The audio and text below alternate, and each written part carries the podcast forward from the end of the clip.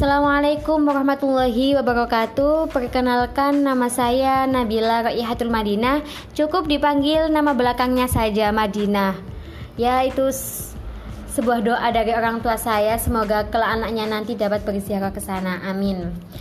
Dan juga saya masih umur 22 tahun Dan sedang menuntut ilmu di sekolah tinggi agama Islam Raden Wijaya Mojokerto. Saya akan berbagi pengalaman tentang segala aspek kehidupan, entah itu yang dibalut dengan puitisasi, motivasi, atau dan sebagainya.